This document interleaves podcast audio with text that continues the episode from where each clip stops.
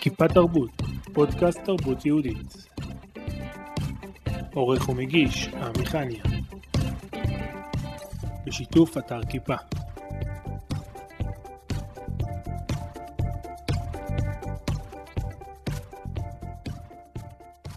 שלום אמיר מויאל, שלום עמי. תגדיר את עצמך. וואה. אה, שאלה קשה, אני לא יודע איפה איפה להתחיל. התחלנו קשה. כן.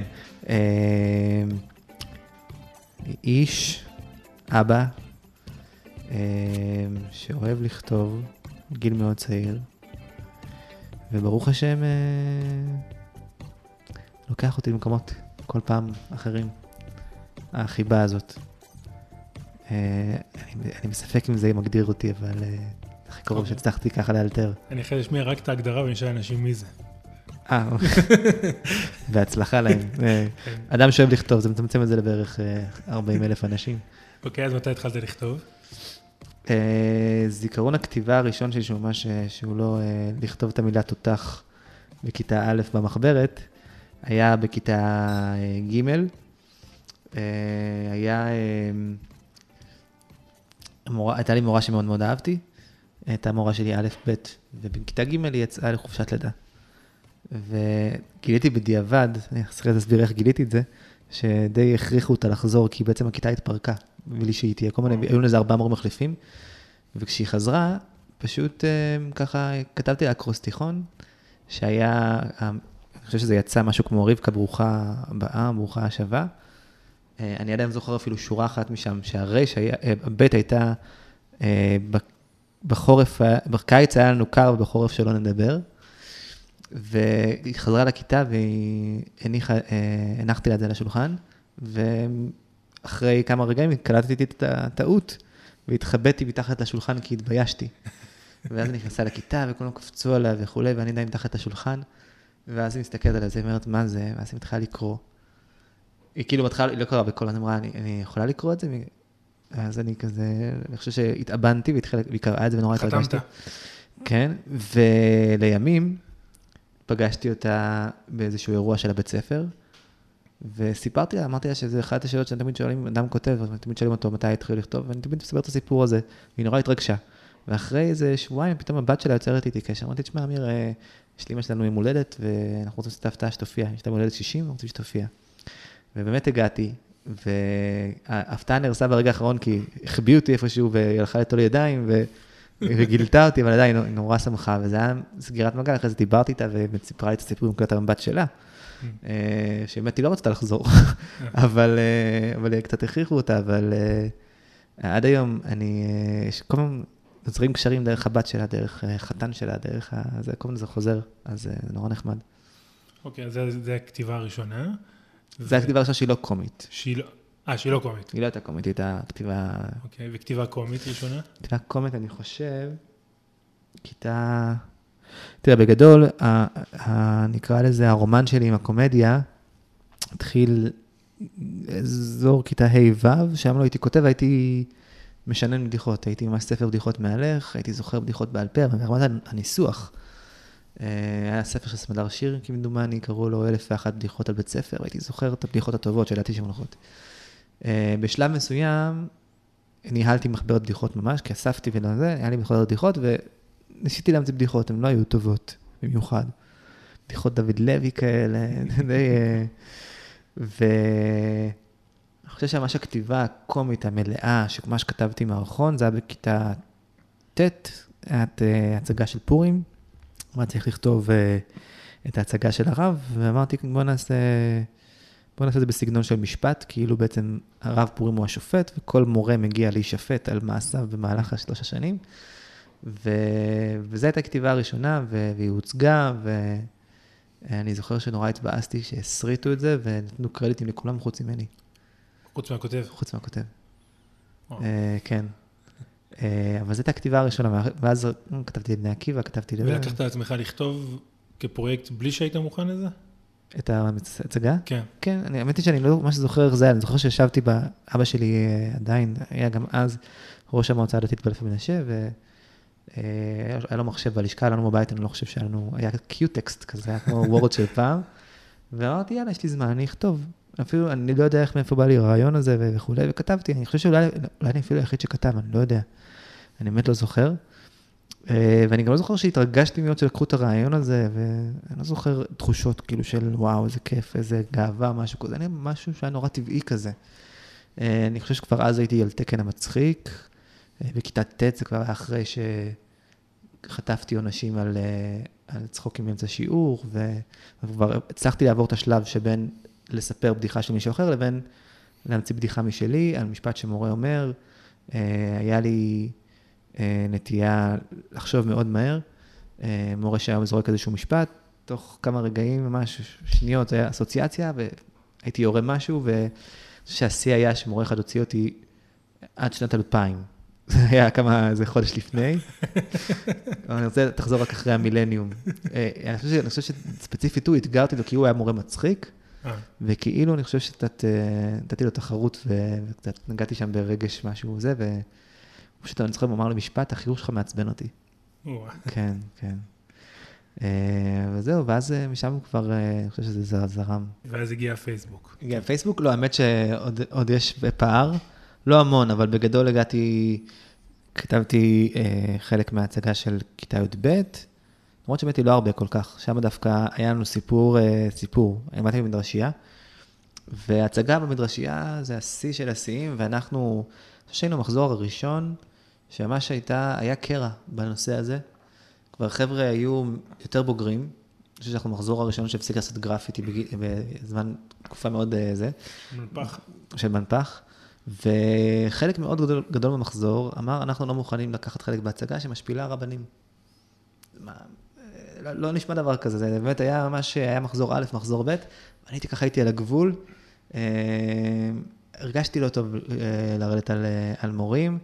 מצד שני זה כביכול הבמה הכי גדולה שלי.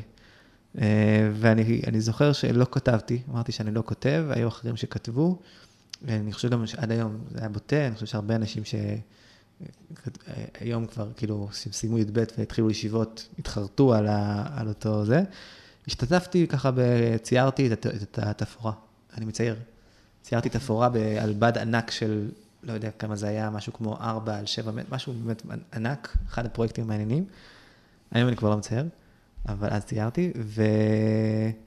זה, ואז הגעתי לישיבה בעתניאל, והייתי כותב כל הזמן, הייתי על הלוחות, הייתי שולח בסמסים, ואז הגיע פייסבוק. בעצם מישהו אמר לי, תשמע, במקום שתשלח אסמסים, היה לי נגיד איזושהי הברקה, הייתי כותב נגיד, זוכר אחת הזה, היה חולם, אתה חסר.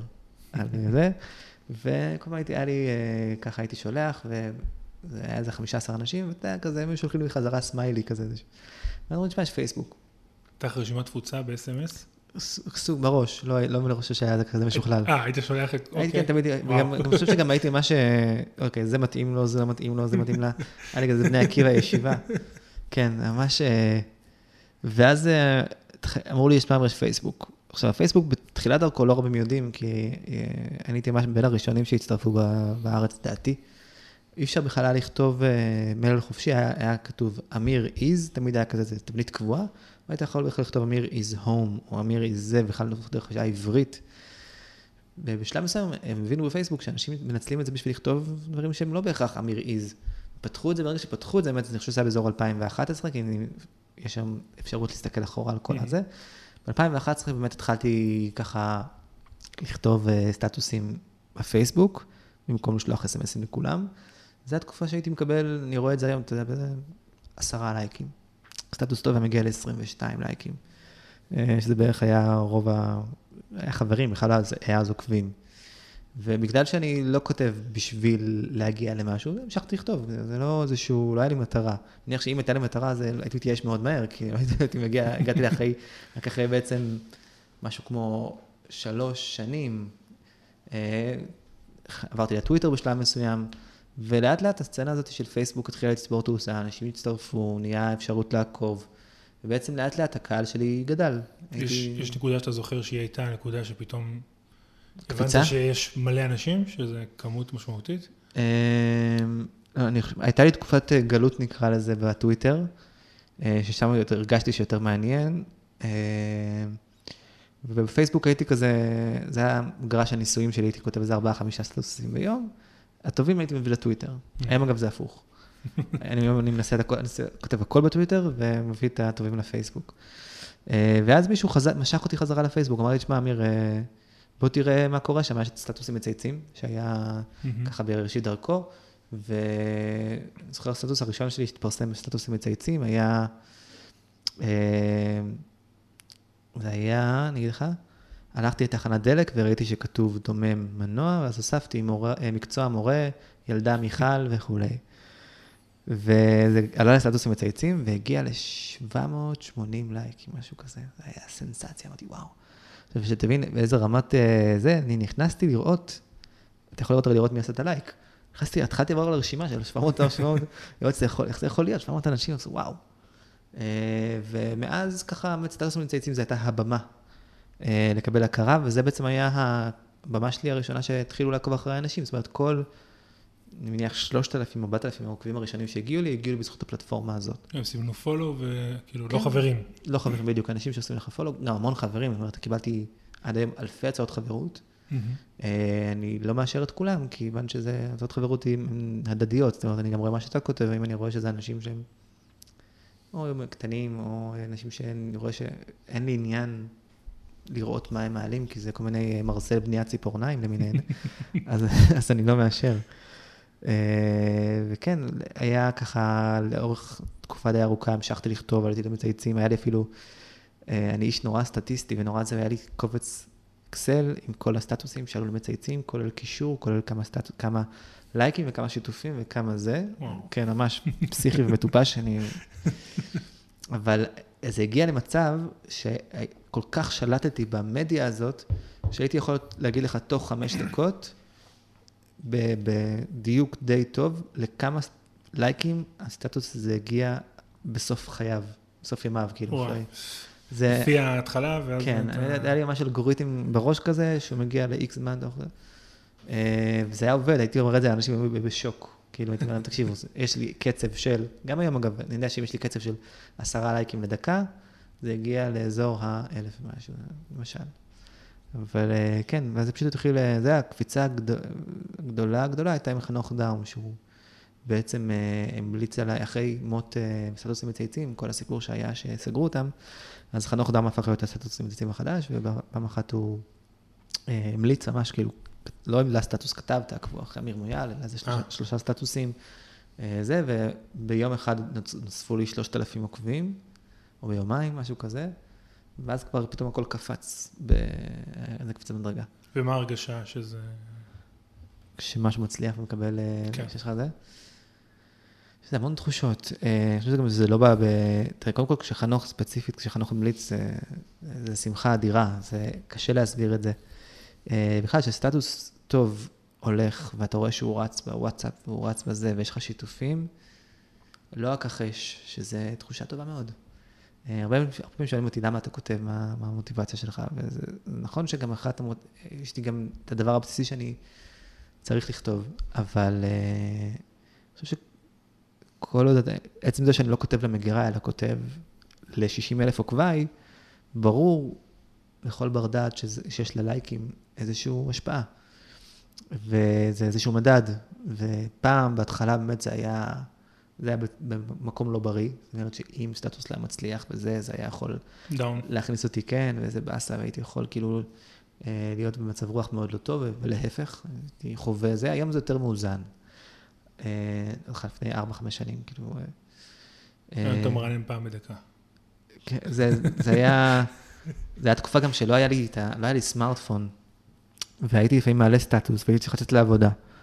וזה, אתה יודע, זה כמו, אני, תמיד הדימוי שלי היה שאתה זורק כדור לעבר אה, פינים של באולינג ומסתובב. אתה חייב להסתכל, לראות כמה הפלת.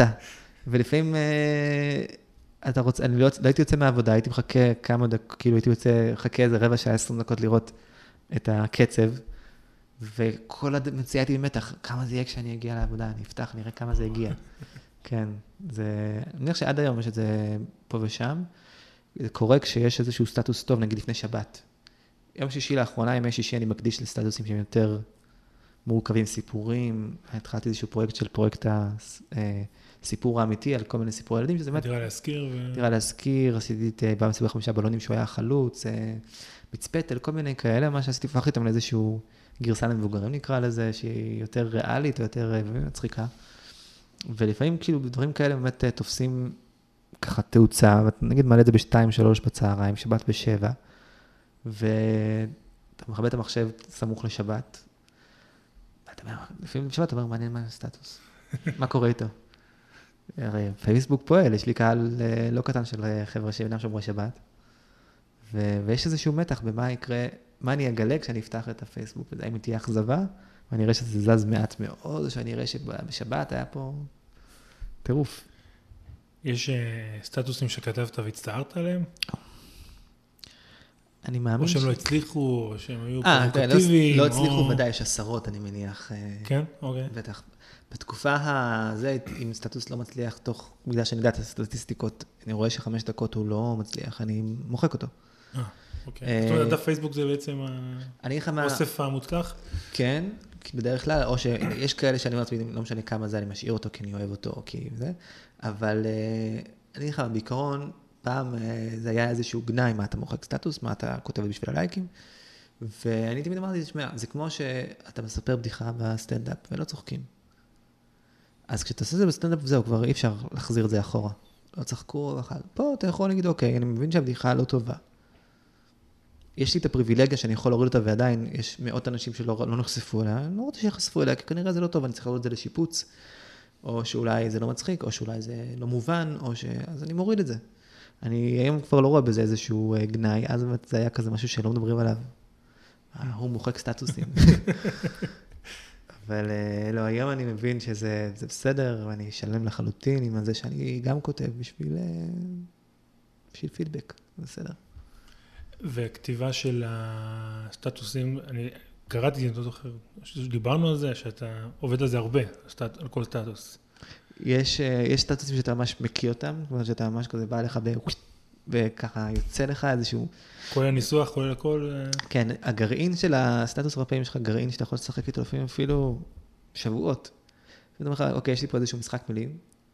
זה נגיד אה, תקרה ותקרה, תקרה יכול להיות כאילו read, כן. וגם תקרה של הבית. ואתה אומר לך, אוקיי, אין לי, אין לי איך, ואתה משאיר את זה כזה בסוג של תיקייה צדדית בראש, מדי פעם כזה קופץ לך ואתה מנסה להמשיך לשחק עם זה. Uh, הניסוח בעיניי הוא, הוא הדבר הטריקי.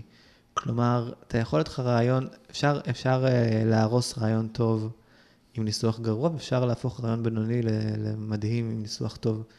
ויש A-B testing כזה שאתה עושה? שמה יש? אתה בודק עם אנשים כאילו? Uh, בעבר הייתי בודק יותר.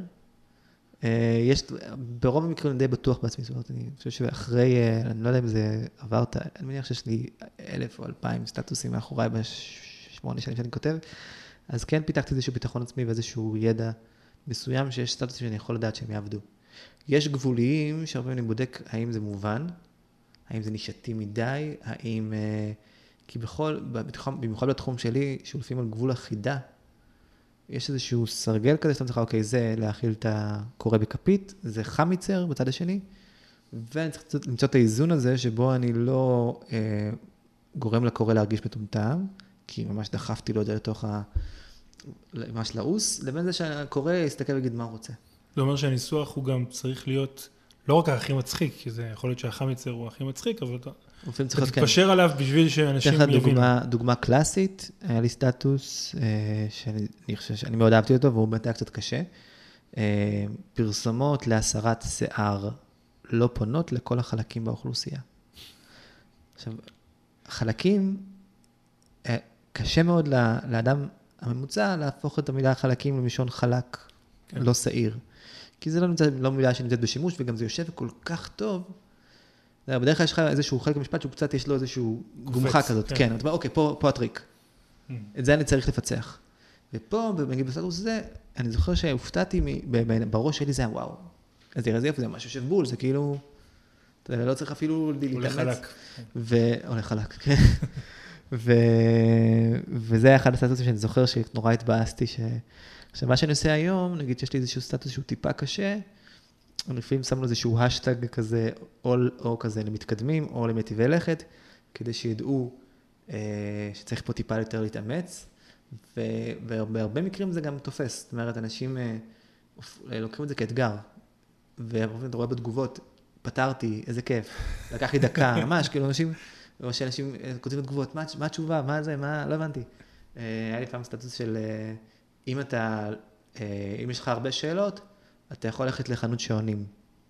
חנות שעונים, כאילו יש פה, עכשיו פה זה קצת קשה, כי אוטומטית המוח שלך חנות שעונים, הוא לא משחק במילה חנות שעונים, זה, זה הלחם כזה שהוא מובהק.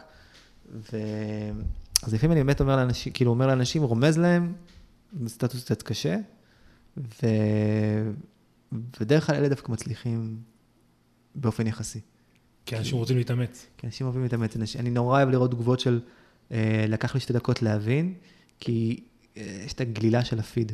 אנשים הרי, אחד הדברים הכי קשים, הכי מאתגרים, זה לגרום לאנשים לעצור את הפיד ולקרוא את הסטטוס שלך. Mm. והרבה פעמים אנשים, אתה רואה, קורה משהו שאתה רואה שהוא לא מעניין, לא מובן אז אתה ממשיך. וזה שאנשים עוצרים את, אה, את השטף הפיד שלהם, ועכשיו אומרים לעצמם, אני עכשיו מנסה לפתור את זה, זה מחמאה אדירה מבחינתי.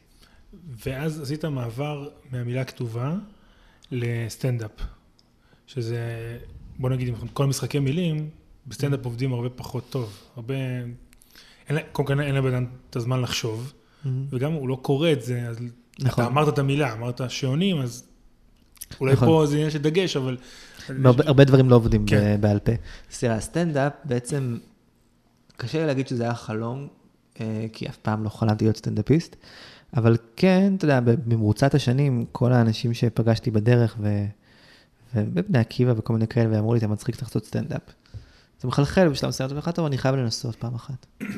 ובעצם לפני, אני חושב משהו כמו חמש שנים, או ארבע וחצי שנים, אה, בחור בשם עידן ניידיץ, אה, היום הוא כוכב רשת, בעיקר באינסטגרם, בעיקר בזה, אה, אמר, פנה לכמה חבר'ה, אמר, חבר'ה, בואו, אנחנו, לכולנו יש קהל די גדול, אנחנו מצחיקים ברשת, בואו ננסה לעשות את השיפט הזה, את המעבר הזה, לבמה. כל אחד רבע שעה, אנחנו שישה, חיינו חמישה אנשים, שישה אנשים, בשלב מסוים. כל אחד רבע שעה, זה שעה וחצי מופע, נראה לי מגניב. ונפגשנו ואמרנו, יאללה, בואו, הולכים על זה, לפחות הופעה אחת, נסמן וי. עכשיו, מה שהחלק הכי מדהים בעיניי זה שתוך אה, פחות מיום, תוך 23 שעות נמכרו כל הכרטיסים. 100 כרטיסים נמכרו, ואמרנו, וואו, יש פה משהו. זאת אומרת, אה, העם צמא. ובעצם פתחנו, כשהבנו את הפוטנציאל, פתחנו עוד שתי הופעות, שכל הופעה זה היה 200 מקומות. אחד התמלאה לגמרי, שבועיים סולד, כאילו מראש סולד אאוט, והשנייה הייתה כזה כבר חצי. זאת אומרת, מכרנו משהו כמו 400 כרטיסים פלוס מינוס, בלי שעלינו דקה אחת על במה, בלי שהוכחנו בכלל את עצמנו. היה מלחיץ, אבל uh, כל אחד עבד ככה לקטע שלו, נפגשנו המון פעמים, היה לנו חבר שעבד בבר אילן באותה תקופה, הוא היה שם בספרייה, וכל הזמן פתחנו איזשהו זה, והיינו מופיעים שם, היינו נותנים פידבק אחד לשני וכולי. ככה ליטשנו וכמה שיכולנו, היום אם נסתכל על זה היום אני בטח אני אגיד וואו, חשבתי לעצמי. אבל זה היה מאוד מוצלח, כי, כי בעצם היינו, עשינו את זה פעם ראשונה, כאילו הקהל היה נורא, נורא, אתה יודע, אנשים קנו כרטיס, באו ליהנות ונורא פרגנו לנו ומכירים אותנו מהרשת, וגם הפך להיות סוג של מפגש צייצנים כזה. ופעם ראשונה שעליתי הייתי ממש עם ראש באדמה כזה, נורא פחדתי ופחדתי לשכוח, אתה זה רבע שעה של סטנדאפ זה... כן. המון בדיחות, לזכור, ואת הניסוח שלהם, ואת הסדר שלהם, ו, וצריך לשחק את זה בצורה מסוימת. ונגמר, אחרי רבע שעה, זה טס בטירוף, הזמן, ומה? יכול להיות שעשיתי הכל. ואתה לא רוצה לרדת, אתה, אתה, אתה, אתה, הצחוק של הקהל והכפיים והפרגון, אתה לא רוצה שזה ייגמר, אתה רוצה לעלות שוב פעם. ובאמת ככה זה התפתח, והשוק הראשון שחטפתי, הכאפה הראשונה שחטפתי, הייתה מה שזה אולי חודש או חודשיים אחר כך, שאני הרגשתי כבר שאני הופעתי איזה ארבע או חמש פעמים. מה, אני להיט פה. ויאיר אורבך אה, היקר אה, אמר לי, בוא, אתה רוצה זה, בוא תחמם הופעה שלי, נפרגן לך וזה. אמרתי, יאללה, מגניב. ברור שאני יכול.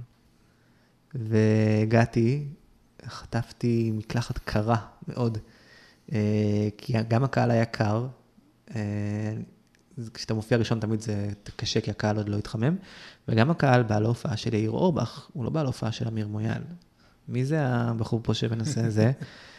וגם אם לא יודע על האמת, החומרים שלי אז לא היו להיט, הם לא היו משויפים כמו שצריך, הם לא היו זה, ובאמת חטפתי, התייבשתי כפשוטו, ממש.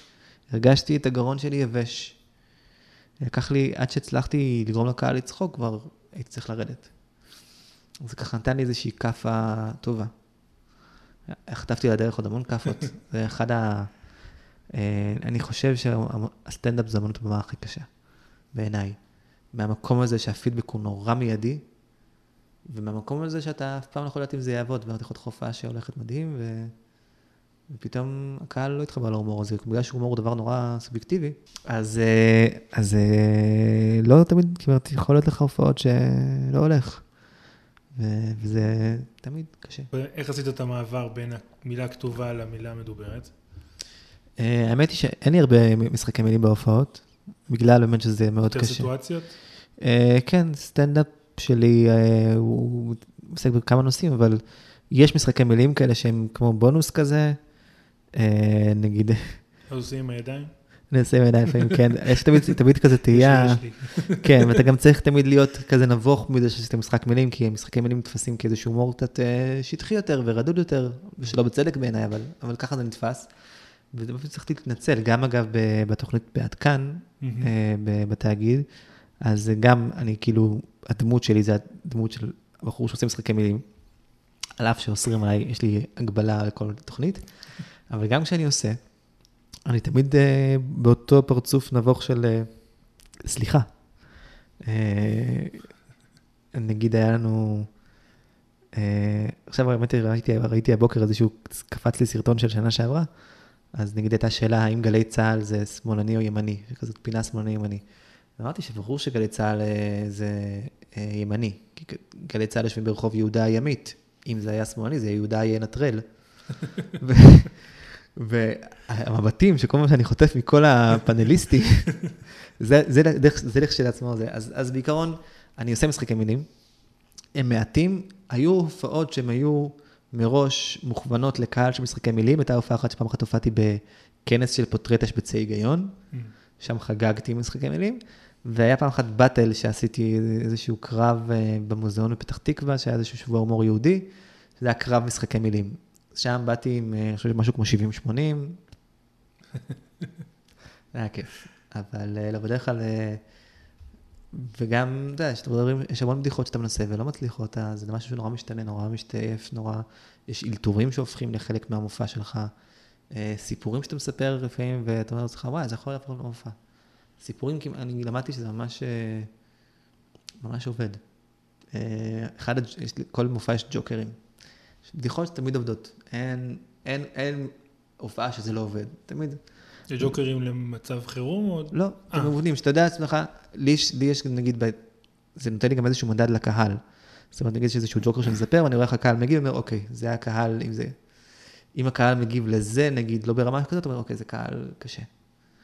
אז אה, זה אחד הסיפורים, נגיד, אה, שתמיד, שהשאימו אותי בסיפור אמיתי לחלוטין. אה, באתי לאיזו הופעה בגולה בפתח תקווה, וככה מישהי חלפה על פניי, וכזה עוצרת, פתאום כזה אומרת, אה, אה, מכירה אותך, אתה אמיר מויאל מהפייסבוק, לא? אמרתי לה, כן. מסתכלת, אומרת לי, איזה קטע? אמרתי לה, מה? היא אומרת, לא, סתם, אתה כל הזמן בפייסבוק, אתה כל הזמן צוחק על עצמך שאתה שעיר ומכוער. אמרתי לה, נו. היא אומרת לי, אתה גם נמוך. כן, בחורה נפלאה, רווקה עדיין, מישהו רוצה. משום מה. מפתיע. אני לצערי הייתי כבר נשוי, אחרת, אתה יודע, באותו רגע הייתי קורע. אנחנו מקליטים בט"ו באב, אז אה, כן, נכון. בהחלט, חג האהבה. אז אתה עושה את הכתיבה, את המופעים, אה, משתתף בתוכנית בכאן. מה עוד? אמ, אני בעיקרון אה, מדי פעם אה, מחלטר אה, כקופירייטר, כל מיני משרדי פרסום, אה, יש לי כל מיני פרויקטים כאלה של... שאני עושה, זה יכול להיות ברמה של השם של חברה, ברמה של סלוגן, וברמה של ממש של לשכתב אתר, או לשכתב זה. אחד, אחד הדברים המשעשעים שעשיתי, הוא לא משעשע, אבל הפכתי אותו למשעשע. נתנו לי לשכתב חוברת לאזרח באיזושהי מועצה אזורית. אה, והיה איזה חוברת של, של 16 מחלקות, ואמרו לי שצריך לכל מחלקה למצוא לה סלוגן, למצוא לה, זה עבודה רצינית. ואחת המחלקות הייתה מחלקת האינסטלציה, משהו כזה, ביובים. ואני חושב שהם לא שמו לב, אבל שמתי בסלוגן זה מחלקת האינסטלציה, אנחנו קשובים לצרכים שלך. תהיתי לעצמי. אז כן, בעיקרון כאלה, כתבתי הצגה לנשים אה, לא מזמן, הבנתי כבר די מזמן, עברו שנתיים. כתבתי הצגה לשתי שחקניות מוכשרות. דעתן קלה. דעתן קלה, כן, אה, יעל ושירי ויעל. וכל הזמן יש כל מיני פרויקטים קטנים כאלה, שאני עשיתי סרטוני רשת למקימי, עבדתי עם כאן על סרטון חנוכה, היה סרטון שיצרנו שנקרא כנים בחגים, שהיה ויראלי, אחד המדדים שלי לוויראלי זה האם הדור של ההורים שלי מכיר את זה. אם שולחים לך את זה בוואטסאפ חזרה. נכון, זה גם, זה מדד מצוין, למרות שלצערי אני אף פעם לא חשוף לזה, תמיד, כי אנשים שאיתי בקבוצה לא שולחים את זה לקבוצה שלי, ואז אני אף פעם לא יודע אם זה ויראלי, ואנשים לפעמים אומרים לי, לפעמים אומרים לי, תשמע, זה רץ בקבוצות שלנו. והמדד שלי הכי טוב זה באמת האם הדור המבוגר בבית כנסת מכיר את זה. ואז אה, בכנים בחגים, זה היה ממש, אני חושב שזה היה שיא. אנשים בני 50 באו אליי, אה, אה, הביאו את הספר תורה בשמחת תורה, כך שכב לך הגב. זה חלק מהסרטון. בהתחלה לקח לי זמן להבין, אמרתי, למה הוא מאחל לי שיכאב לי הגב? אפילו לא, לא חשבתי על ה... אמרתי, וואו, ממש הגיע כאילו, זה ממש היה ויראלי. וזאת עבודה יומית שלך? לא, אני מתפרנס מ... אני איש רכש בחברת הייטק. זה דבר אחד, תמיד הכי מפתיע, שבאופן טבעי אנשים בתחום הזה של כתיבה עובדים בפרסום, בכל מיני דברים כאלה. אה, אני חושב שאני בין הבודדים שאני מכיר, שלא מתעסק בתחום הזה בכלל, כאילו כמקצוע. אה, פעם היה, לפני משהו כמו חמש או שש שנים, היה ניסיון, הלכתי לאיזשהו ראיון במשרד פרסום אה, גדול. לא יודע אם התקבלתי או לא, כאילו, כבר לא התקבלתי, אבל הם אמרו שהסיבה היא בגלל שהלקוח, שהם גייסו בגלל לקוח שאמור להצטרף, ובסוף הוא לא הצטרף, אני לא יודע אם אחרת הייתי מתקבל או לא. היום אני מאוד שמח על זה, אה, שלא התקבלתי, ואני מאוד שמח שאני אה, לא מתפרנס מזה. אה, מהסיבה הפשוטה, היום כאילו הרי יש לי בחירה, אני יכול, אני מניח שאם קיבלתי הצעות, אני מניח שאני יכול להתפרנס מזה, אבל יש משהו נורא כיפי בזה שזה לא מושפע מכסף. שאני יכול לקחת הופעה כי אני רוצה לקחת אותה ואני יכול לסרב להופעות ולסרב להצעות, ואני לא צריך להכריח את עצמי להיות יצירתי, ואני לא צריך לכפות את היצירתיות שלי ואת האמנות שלי בשביל לקבל כסף. זה נורא כיף לי. ולכן אני עדיין היום שומר על משרה מלאה, ויש לזה מחיר כבד, אני עובד תשע, עשר שעות ביום, חוזר הביתה להופעה, לכתיבה. אמ, יש גם חמישה ילדים כמובן, בשלב 2985 בקנדי קראש. יש, יש אתגרים. ואני מניח שבשלב מסוים אני אולי אשנה טיפה את התמהיל. זאת אומרת, אני אהיה נגיד 80 אחוז משרה ו-20 אחוז, ואני אהיה לי יום חופשי בשבוע, כי יש דברים שאני מפספס ואני לא יכול לקחת בגלל הדבר הזה, אבל, אבל זה נורא כיף לי ש, שאני חופשי שם, ואני לא תלוי בזה ואני לא בלחץ, ואני לא לוקח דברים ש... לפעמים מציעים לך הופעות בבר מצווה.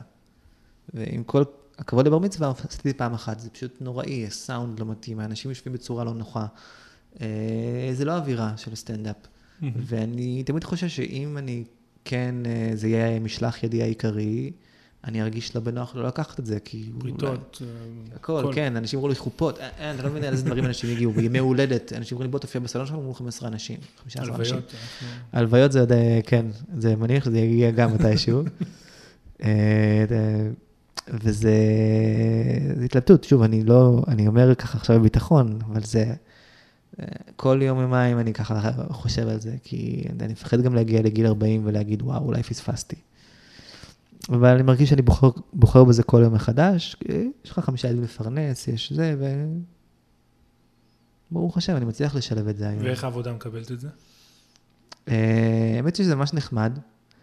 אחד המעברים המעניינים היה... זה, לפעמים הייתי עולה, עולה ברדיו, היה לי פינה קבועה אצל אה, ברגלי ישראל, שהייתי עולה כל שבוע. ותמיד היה לי איזה, איזה פער כזה, שאני הולך לאיזשהו חדר צדדי, עולה לרדיו, חוזר, עושה הזמנות רכש, וכאילו, ותהיתי גם מתי יקרה, אתה אמרתי, אוקיי, יש לי עשרות אלפי עוקבים, מתי מישהו מה, מהעבודה שלי פתאום יגלה שאני עובד איתו בעבודה, והוא עוקב אחריי בפייסבוק. ואז יום אחד זה קרה, מישהו כזה נכנס אלינו לחדר, וזיהה אותי, הוא עושה, מה, אתה עובד אוקסואר, אני עוקב אחריך בפייסבוק וזה. ופתאום היה ערבוב כזה, ועכשיו שהתחלתי להופיע בטלוויזיה, והתחלתי, והיה לי, אה, הייתי, היו מצטטים אותי ברדיו בתוכנית, עדיין, סטטוס קוו, שהרבה מעט היה פינת ההטרדה המילית, שהיו מצטטים אה, סטטוסים, ו, וזה הלך ותפח, ו, והיום כבר בעבודה שלי כאילו יודעים שאני סטנדאפיסט, וזה כבר אה, מקבל התייחסות, זאת אומרת, אה, מתי אתה מופיע מולנו, אה, אנשים בדרג מאוד גבוה, זאת אומרת שהם סמנכ"לים וזה, כאילו אני פתאום, בגלל שאני במקצוע הזה, וכאילו אני בטלוויזיה, אה, פתאום כזה אין, אין, אין דיסטנס. וקודם כל צריך להגיד שאפו להם, כי בתקופות של צילומים אני נהדר, זאת אומרת, אני, יש לי יום צילום. ויש, אה, המנהל שלי מכיל את זה, כי הוא יודע שאני עובד מאוד חרוץ, וזה שאני נהדר לא גורע מתפוקתי. אה, אבל זה לא מובן מאליו, זאת אומרת, אני מניח שבמקומות אחרים, זה, אומרים לי, תבחר.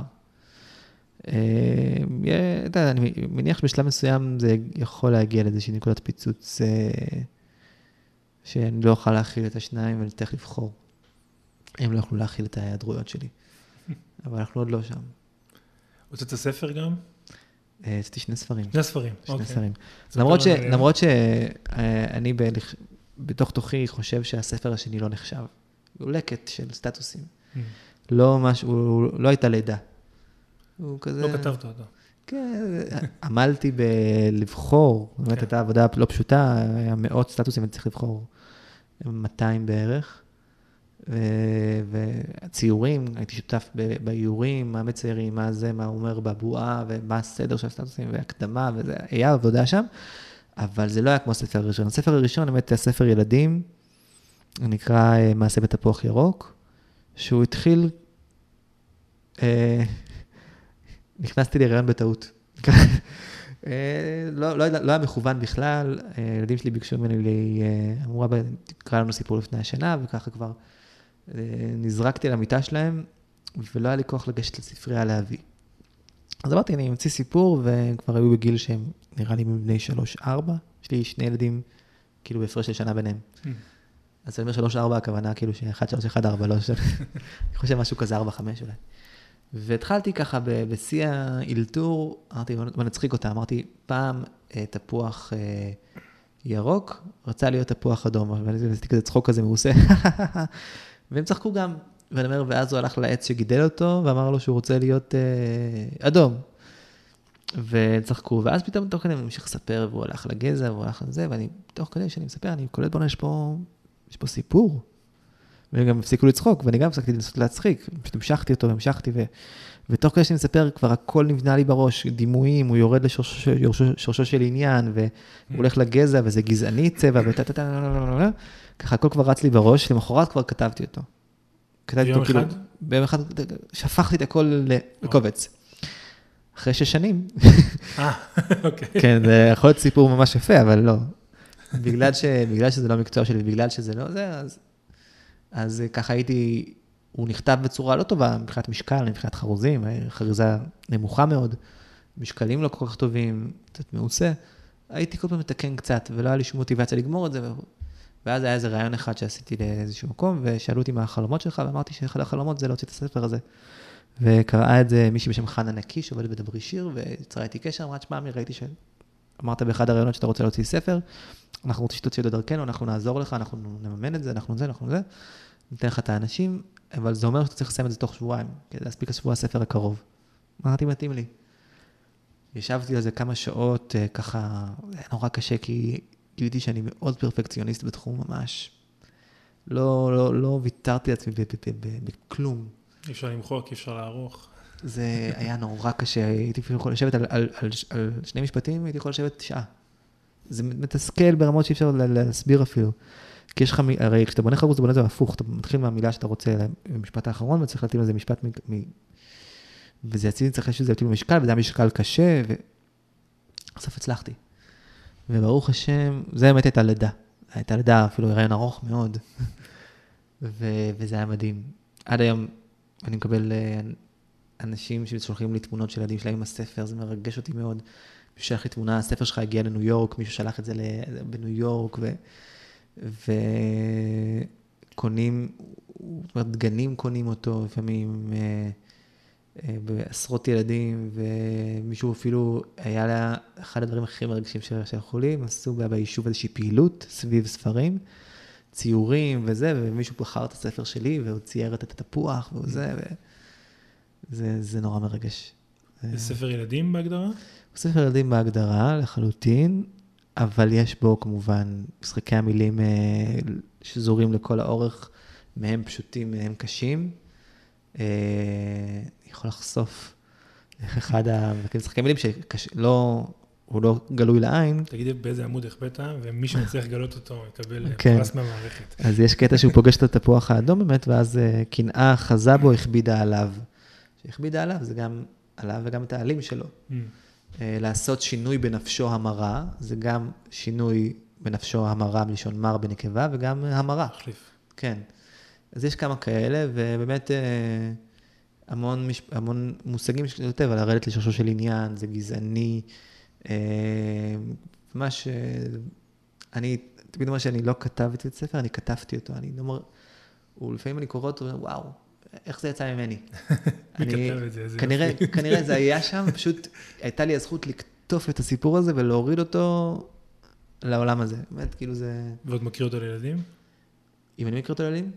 אה, היה לי אירוע הקראה אחד לדעתי, או שניים. הילדים שלך. אה, הילדים שלי כן. כן? כן, היה תקופה גם שהייתי זוכר אותו בעל פה. עכשיו כבר פחות. אבל אה, כן, הייתי מקריא אותו. אה, האמת היא שעשיתי בפייסבוק לא מזמן, מ- שבוע הספר או שבוע לפני, באזור, באזור שבוע הספר, עליתי בשידור חי, שאלתי מתי אתם רוצים שאני אעלה, מתי אתם משכיבים את הילדים לישון, אה, אז מסתבר שיש אנשים שמשכיבים את הילדים שלהם לישון בשבע.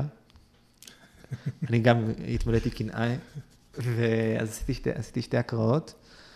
אה, והרבה אנשים אמרו לי שהם פשוט יושבים עם הספר שלהם, עם הספר, עם הילד שלהם, ואתה יודע, הם שמעו את הסופר, מקריא את הסיפור שלו, זה היה ממש נחמד. יפה. כן. אז אתה כותב, כותב בפייסבוק, אה, מופיע על במה, מה שווה יותר, אלף לייקים או מחיאות כפיים? אה, תלוי מה האורך של המחיאות כפיים. אה, אני חושב שזה... standing ovation של ביבי. כן. זה, תשמע, זה באמת נראה לי חלום שאנשים ככה יעמדו וימחאו כפיים במשך דקות ארוכות, אני לא רואה את זה קורה. אה, אני חושב שזה בסטנדאפ, אה, יש, זה, זה, זה שונה מלייקים. אולי, אולי תראה, אולי כי לייקים התרגלתי, ואתה יודע, כבר כתבתי כל כך אם הרבה ניקח סטטוסים. אלף אנשים ונשים אותם באותו חדר, כן. זה עוצמתי. כן, אבל אני חושב שבאמת בגלל שכתבתי אלפי סטטוסים כל כך הרבה שנים, כביכול כבר כביכול התרגלתי לזה, וזה כבר פחות מרגש אותי. אה, סטטוס שהגיע לעשרות אלפים לייקים מול מחיאות כפיים, אני כבר באמת אתלבט. Mm, אוקיי. אבל תשמע, אחד הדברים שהכי מרגשים אותי, זה לא קורה לי הרבה, אני מניח גם בגלל שאני כבר, הפנים שלי יותר מזוהות, שיצא לי פעמים לשמוע אנשים שמצטטים סטטוס שלי, בלי לדעת שאני שם. Mm. ישבתי פעם באיזשהו מקום, ומישהו אומר, "אתה יודע, את יודעת מה אומרים, איזשהו סטטוס שלי, אמרתי, "אה, זה שלי, זה שלי. ועוד פעם, זה דווקא קרה לפני שנה בערך, שישבתי באיזשהו מסעדה, בארוחת צהריים שגרתית, וכזה שולחן לידי העלו כזה תמונה שלי, ואני קורא את התמונה, וככה הם מדברים עליה, וזה זה היה נורא מגניב. אני מודה שאחד החלומות שלי זה היה להיות מצוטט. אני חושב שאפילו כתבתי את זה. אה, כתבתי, החלום שלי זה להיות מצוטט עם גרשיים, א' מויאל כזה. אבל אה, תשמע, היה עכשיו, ממש השבוע העליתי, גיליתי שהסטטוס שלי נמצא בחוברת לימוד של איזשהו קורס אה, שפתי באנגלית. לקחו סטטוס, מישהו פרסם סטטוס שלי בהקדמה לספר שלו. זה, זה נורא מרגש אותי, יותר ממחיאות כפיים. זה שאתה, אה, שאנשים משתמשים בחומר שלך אה, במהלך, כאילו שיעור, או במהלך, אה, מה ש... אחד הטקסטים הראשונים שכתבתי ופרסמתי היה איזשהו שיר לשוני. על שלושה פעלים שיצאו לטייל, פ- פיאל פעל והתפעל, יצאו בוקר לטייל, לפתע בלי שום אזהרה, החלה רוח סערה, וכאילו מה שקורה זה שכל פועל עושה את הפעולות שלפי הבניין שלו. התפלא אז התפעל, לזה המזג לא פילל, ולנה, וסיפור נורא נחמד, כאילו... ואז מישהי סיפרה לי שהיא מורה ב- אה, ללשון, והיא הקריאה את זה בשיעור. וואו. ומישהו סיפר לי באחרי אחת ההופעות של איזשהו, איזשהו שיר שכתבתי על מוצץ, כתבתי את זה בסגנון אה, שירת ספרד כזה, והיו אה, מחריש עוללים להחריש עלולים, וצפ, וצפון הוא כסוד אין נגלה, עשיתי כזה, זה שאתה מחפש את המוצץ, וצפון הוא בינות שעשועים, בסוף אתה מוצא אותו בין הצעצועים של הילד וכל מיני כאלה. ומישהו סיפר לי שהם הדפיסו את זה ותלו את זה על המקרר. אני אומר לך אספר לך את זה עכשיו, כאילו, ויש לי צמרור של רגש, זה נורא, זה, זה מרגש אותי מאוד. אז מה יהיה כתוב על המצבה? שלי? אה, אני יכול לחתוך את זה, בסדר. לא, אני לא לא יצא לי לחשוב על זה. אני מקווה, תראה, אחת הנקודות אה, שלא נגענו בהן זה הניסיון שלי לשמור על איזון בין אדם רציני לאדם מצחיק. אני לא רוצה להיות ליצן. נורא קל להיות ליצן. הכי, הכי קל אפילו. ואני חושב שאחד הדברים הכי כואבים שיצא לי לראות, זה שראיינו את קטורזה לפני הרבה מאוד שנים. אני חושב שזה היה יאיר לפיד ראיין אותו, והיה לו את השאלון המפורסם של יאיר לפיד. וקטורזה, כמו קטורזה, ענה על. על רובו, בצ... הוא ענה עליו בצחוק. כן. ואז היה איזה שאלה אחת או שתיים שהוא ענה ברצינות, והקהל נקרע מצחוק. הקהל צחק, והוא לא התכוון להצחיק. וזה נורא הציב אותי, שהדמות הליצן הזאת, שפתאום כבר לא יכול לדבר, בר- לא יכול לקחת אותה ברצינות. ואחד האתגרים שלי בעצם לשמור על האיזון הזה, אורי אורבך בעיניי היה האיש הכי גדול בתחום הזה, שידע תמיד, היה בדיוק על האיזון, שבו אף פעם לא ידעת אם הוא מדבר ברצינות או בצחוק, ולקחת כל דבר ברצינות בצחוק, וכל דבר בצחוק ברצינות, כאילו הוא היה אומן. וגם גם זמרי עושה את זה בעיניי מצוין, גם זמרי ברשת, שומר על האיזון הזה של בין האדם המצחיק לבין האדם הרציני, שיודע גם לפרסם מאמרי דעה. אצלי התמהיל הוא קצת שונה, אני מודה שאני לא שומר על 50-50, אני שומר את זה איפשהו על 80-20, 70-30, תלוי בתקופה. איזה נושאים? מה ש-? מה שבוער בי, אה, זה יכול להיות אלאור עזריה, זה יכול להיות אה, ההדתה. הרבה פעמים בתור אחד שגדל באלפי מנשה, בסביבה שהיא מעורבת דתיים חילונים, וגם היום אני גר בסביבה מעורבת, הרבה פעמים נושא ההדתה מאוד קרוב לליבי, אה, היחסי דתיים חילונים, אני מאוד מנסה להיות גשר אה, ולהראות את ה, דווקא את הדברים ה... אומרת, לשים בצד את המחלוקת, כאילו, אני, אני כן אומר דעתי, אני לא מתבייש בה. אבל אני חושב שירשתי מאבא שלי, שיאריך ימים, וגם מהסביבה שגדלתי בה, את היכולת לדבר בחילונית נקרא לזה, ו- ו- ולתת את ההצצה אל הצד השני, ממש עכשיו, גם לפני שבוע שעבר, היה רצף של כמה פוסטים שכתבתי על הנושא הזה של דתיים, של, על, על זה שאנשים מרגישים מאוד בנוח לבוא לאדם דתי ולהגיד לו, כאילו שהוא אומר, הבן שלי לא יכול אה, להשתתף בתחרויות בשבת. הכלנה, כפייה חילונית. אז אל תשמור שבת. מה אתה, זה כאילו בחירה שלך. ו, וכאילו קבלתי על זה שלמה לאדם אה, שהוא נמשך לגברים, אתה לא תעז להגיד לו, אז תחתן עם אישה, מה, מה, מה... כאילו לוקחים את השמירת שבת כמשהו, או בכלל קיום מצוות כמשהו שהוא נורא... אה, כאילו, כאילו כמו שאני בוחר דירה, או כמו שאני בוחר אה, כן. גבינה צהובה. וכתבתי באמת ממעמקי ליבי, ממש, שתבינו שזה זה סוג של אהבה, אהבת הבורא היא אהבה לכל דבר. אני לא, דת היא לא מערכת של שיקולים אינטרסנטיים, אני שומר שבת כדי שיקרה כך וכך, לא. זה בטח לא שכלית, כן. כן, זה יכול להיות שזה מתחיל ממקום כזה, אבל ברבות השנים אתה, זה אתה לחלוטין, זה...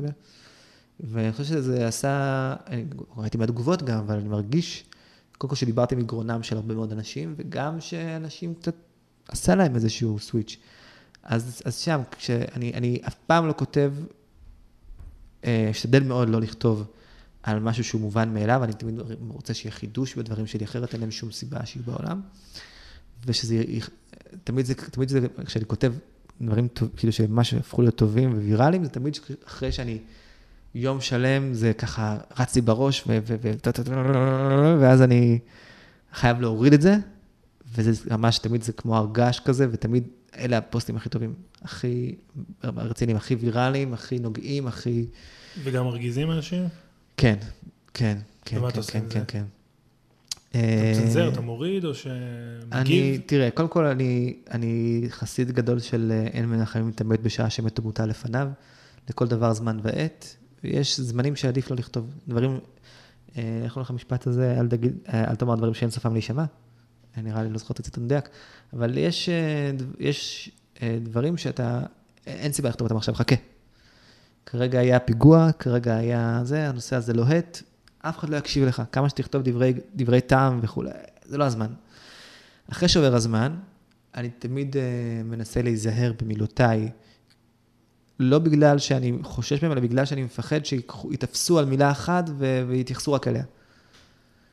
Uh, והרבה פעמים אני אומר דברים שאני יודע שהם לא בקונצנזוס. בפרשת אלאור עזריה, כתבתי מאמר שכותרתו, אלאור עזריה הוא לא הגיבור שלי. וידעתי שאני כותב לציבור, הציבור שלי חיל... אה, ימני, ברור לי. ושוב, לא אמרתי שאני חושב שצריך לשים אותו בכלא, אבל אמרתי, בעיניי הוא לא גיבור, אנחנו. וכתבתי תגובות קשות, לא מעט, מן הסתם, אה, כי היה איזשהו גיבוי אוטומטי כזה לאלאור עזריה. ואני באתי מנקודה שאני, קשה לי מאוד עם החוסר מורכבות, השטחיות, שאנשים אומרים, אתה ימני, אז אתה צריך לאהוב את בית"ר, אז אתה צריך להיות בעד אלעזריה, אז אתה צריך להיות בעד התיישבות. גם בשמאל זה קורה, אם אתה שמאלני, אתה צריך להיות אה, טבעוני, אה, וזה, כן, כן. אז קשה לי, אני חושב שאנחנו לאט לאט מבינים יותר שיש את המורכבות, אתה יכול להיות ימני שעדיין, שאמרה פעם, אה, שבוע היינו באיזושהי התכתבות וואטסאפ, אמרה, מה, אני לא יכולה להיות ימנית ופמיניסטית? מה אם אני פמיניסטית אז אני שמאלנית? נוצר איזשהו, מן הסתם, שכל מי שהוא אה, בעד זכויות אדם וליברל, אז הוא בוודאי שמאלני, ולא היא. אז אני חוטף תגובות, לפעמים אני, אני הרבה פעמים עונה, זאת אומרת, אם אני רואה שיש איזושהי תגובה שחוזרת על עצמה, אני עונה. כשהיא עניינית. עניינית, כן. כתבתי נגד הנכים, בתקופה שלה, שהם חסמו כבישים. בשלב מסוים, אה, חבר שלי ככה סיפר לי סיפור, שהוא היה צריך להגיע למולדת של הבן שלו, וחסמו את הכביש והוא לא הגיע, והייתה סאגה, וככה מישהי סיפרה לי שהיא שכחה את המזרק שלה של האינסולין, והיא יותר חזה, וכל מיני כאלה, וככה התחבר לי לכמה, ופתאום ככה נפלה לי התובנה שזה לא בסדר. עם כל האמפתיה שלי למאבק שלהם, זה לא בסדר, ופשוט ככה התנסח לי הפוסט בראש, וכתבתי אותו. אמרתי, פתחתי גם במילים של אני יודע שהדעה שלי, לא פופולרית או משהו כזה, שגם זה היה מכוון כדי שיקראו. זה טקטיקה מדהימה. אני הולך עכשיו לכתוב דברים לא פופולריים, מה אני הולך לכתוב? מה אני הולך לכתוב? ואז, למה נזכרתי במקרה הזה? כי שם היו טענות שחזרו כל הזמן, אתה לא יכול לדבר על זה כי אתה לא נכה. אתה... ואז פשוט באחת התגובות כתבתי תשובה לכל, לכל השאלות שחוזרות, וגם התגובה לפוסט זכתה למאות לייקים. כי אני חושב שבעצם הרבה פעמים אנשים שואלים אותי, למה אתה עושה את זה? כאילו, הרי כמה פעמים נתקלת בוויכוח רשת שמישהו אמר, וואלה, אתה צודק, שיניתי דעתי. לא קורה. אף פעם לא. אף פעם לא. אבל קודם כל יש בזה משהו שאני מחדד את עצמי. אני מרגיש שאני אה, נותן תחמושת לאנשים שהם אה, בדעה שלי, אבל אולי לא יודעים איך לכתוב אותה, או אולי לא יודעים איך לנמק אותה. ו, ומחר, כשהם ילכו לעבודה ויהיה להם שיחת אה, חדר אוכל כזאת, אז הם, יהיה להם כלים, אני נותן להם כלים. וגם אני חושב שאני סודק את החומת התנגדות של הבר פלוגתא שלי. שהוא לא יגיד, אני, אתה צודק, אבל אני אטיל, אני עזרה בו המון ספקות. עזרה בו ספקות, ובשלב מסוים, אני חושב שהדוגמה הכי טובה בעיניי זה אברי גלעד ועירית לינור, שבמשך שנים שידרו עם אורי אורבך, ואני חושב שהוא נטע בהם המון ספקות, ואני חושב שאחרי כמה שנים, תראה, אין לנו הרעות, הם אה, שינו את אה, דעתם. אז אני זורע ספקות. כן, לקראת הסוף ככה. שתי אה, נקודות שאתה חוזר עליהן הרבה פעמים זה בראש, אני גם רואה שאתה זוכר הכל בעל פה. זה באמת כל הזמן יושב שם? כאילו כל הסטטוסים, כל הזה, אתה זוכר המון המון? זוכר המון. קודם כל, אה, יש לי, אני לא יודע אם באמת זה תורשתי, אבל אה, אבא שלי הוא פנומן. אז זה כבר שאלה שנייה, גם את אבא שלך הזכרת הרבה, אז גם קצת אולי תרחיב על זה. אז קודם כל מבחינת הזיכרון, אבא שלי, שיאריך ימים, זוכר ברמות מפחידות. הוא מעלה לתורה נגד אנשים, הוא זוכר כמובן את השם שלו, את השם של אבא שלו, את השם של אשתו, את השם של הילדים שלו, לפעמים את השם של אבא של אשתו. הוא היה מורה הרבה שנים, הוא היה זוכר איפה כל אחד יושב. היינו לפעמים, שנים הוא לא ראה אותם. אתה ישבת מאחורי זה וזה, נכון? אה, ההפטרה שלך הייתה כך וכך. אה, מה שלא, הוא פשוט זוכר דברים פסיכיים, ממש בענפים של ענפים של ענפים. אז הזיכרון שלי הוא די טוב, אה, במיוחד בסטטוסים, אני זוכר הרבה מאוד, לא רק שלי, אני זוכר גם את הבדיחות בזמנו, אני זוכר אותם. הוא אסוציאטיבי? זאת אומרת, הוא אסוציאטיבי. עובר מאחד לאחד? הוא... מה, הזיכרון שלי? כאילו, איך מרגיש... זה עובד? זה כאילו, זה... אני מרגיש שיש לי איזשהו קטלוג פנימי. אוקיי. אם תזרוק לי נושא, אני יכול כאילו לשלוף כל מיני דברים בנושא הזה. אה, זה גם מה שאפשר לי בזמנו כשהייתי באמת ילד, אה, נער, לשלוף בדיחות לפי אה, זה, נגיד עכשיו, בדרך לכאן, היה מישהו שקוראים לו פסח, והוא כתב משהו על זה שלדעתו ילדות בנות שמונה יכולות לבוא לבריכה נפרדת בזמן של גברים עד... אז אמרתי, רגע, אז מבחינתך זה כשר לפסח. כאילו, כל מיני כאלה, זה, זה כאילו, ואז אתה מתחיל ככה... אז uh, כן, אני חושב שיש לי פשוט זיכרון מאוד טוב, זה מאפשר לי גם, נגיד, בהופעות של זובור, לא דיברנו עליהן, אבל בהופעות של זובור, uh, שזה ממש, זה בעיניי, אגב, הרבה יותר כיף מאשר להיות סטנדאפיסט, כי אתה ביחד עם חמישה אנשים, זה מאפשר לך לאלתר ולהגיב. Mm-hmm. הרבה פעמים קורה שמישהו אומר מילה, ואני פשוט שולף, זה נראה כמו אלתור, אבל למעשה פשוט שלפתי ציוץ מהזיכרון. Uh, יש גם אלתורים, אבל הרוב זה שליפות. ולגבי אבי היקר, אין ספק שהוא דמות אה, מאוד משמעותית בחיי. אה, לא גדלנו איתו, הוא איש עובד, הוא... אימא שלי הייתה עקרת בית והוא פרנס את הכל, והוא היה עובד המון שעות, ונדיר שהוא היה נשאר בבית, וזה היה קצת אבא של שבת בהרבה מובנים. אה, והוא הוריש לי מאוד את כל העניין הזה. קודם כל, הוא דובר, מש... אני קורא לזה משליט שוטף. הוא יודע להמשיל משלים, וזה כוח אדיר. אני משתמש, אני משתמש בזה המון, אגב, לא בהכרח, אתה יודע, הקטע של אה, פעם בן מלך הלך לזה, או פעם, אלא אפילו, אתה יודע, טיפה לקחת איזשהו נושא וטיפה לסובב אותו ולתת לך מקרה דומה, שיהיה לך יותר פשוט להבין את העמדה שלי. אני משתמש בזה המון, ואני אפילו לא מתאמץ, זה משהו שהוא נורא מובנה, ואני חושב שזה לחלוטין הגיע ממנו. וכל העניין הזה של יחס דתיים חילונים, אנחנו, מאז שאני זוכר את עצמי, הוא אה, מלמד בהתנדבות בר מצווה, ואת הבר מצוות החילוני, החבר'ה החילונים. היה עכשיו, אה, לפני כמה, את היוזמה של שבת ישראלית, לארח. אני זוכר שהסתכלתי על זה וצחקתי, זאת אומרת, מה זאת אומרת? אנחנו מארחים כל שבת, זאת אומרת, פעם ראשונה שאחרי החתונה שישבתי עם אשתי, אני והיא, אמרתי לה, תקשיבי, אני לא מסוגל. אני רגיל שולחן שבת, זה אבא ואימא וילדים, ואורחים, היינו לנו 13, 14, 15, לפעמים 20 אנשים בשולחן שבת. וואו. כמו ליל סדר, כל הזמן. וגם שלי היה שוכח שהוא זמן אנשים. אמא שלי הייתה תמיד מכינה יותר, יודעת, פתאום מביא אנשים מבית כנסת, חיילים, מתגיירים, כל, מה שאתה לא רוצה. אנשים שהם גרושים, שלבעל הוא יודע שאין לו איפה לעשות, אז היה מביא אותו אלינו. והיחס שלו לחילונים, הוא גם גדל במשפחה מסורתית כזאת, הוא לא, אחים, אחים שלי חילונים, אחים שלו חילונים. Mm-hmm. נורא בשיח, וזה מאוד משפיע. זאת אומרת, שאני מאוד משתדל לדבר על השווה ולא על השונה, לא להתלהם. אה, לא, למרות שנורא קל, אם אנחנו מדברים על לייקים, לקחת איזשהו פוסט שנאה לדת. היה עכשיו אטילה שומפל וילד משהו על אה, זה שהם הדתיים, מגלגלים עיניים בתשעה באב, כן. אבל זה ראיתי. נורא קל היה לי עכשיו לקחת את זה ולהפוך את זה לאיזשהו מניפסט אה, נגד החילונים, ו- ולמה... והייתי מקבל המון לייקים. אבל, אבל זה לא הגישה שלי, אני משתדל מאוד לשמור על גישה חיובית, חיובית, חיובית גם בהומור.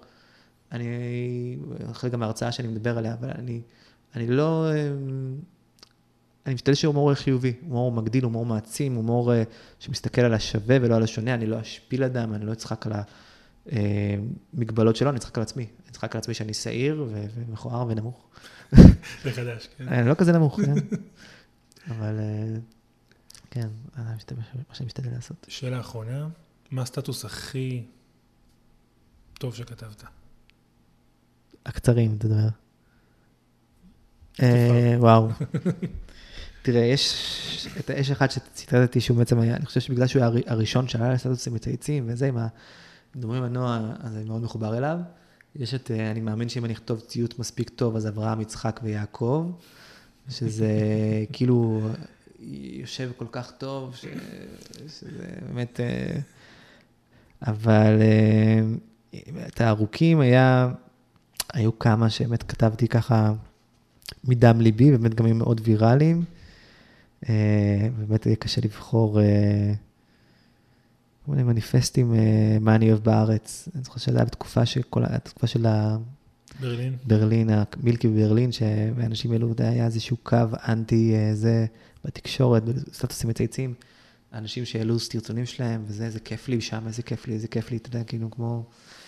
והרגשתי נורא שאני צריך לתת איזושהי תמונת מראה.